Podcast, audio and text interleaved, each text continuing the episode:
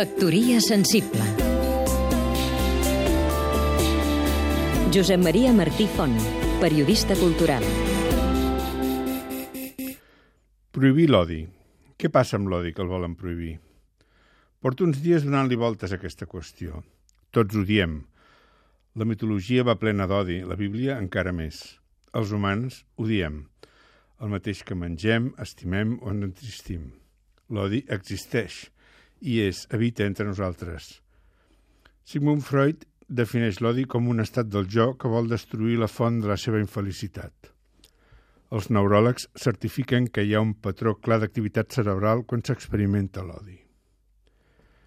L'odi és una de les millors fonts d'inspiració de l'art i de la literatura.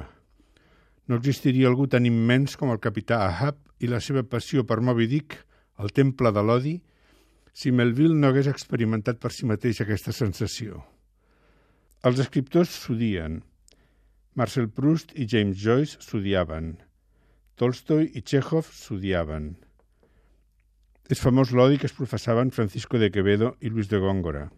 Quan aquest últim es va arruïnar i va haver de deixar casa seva, Quevedo la va comprar per fotre'l i va escriure una sàtira que deia que va cremar poemes de Garcilaso de la Vega per perfumar la casa i desengorgorar-la. Factoria sensible.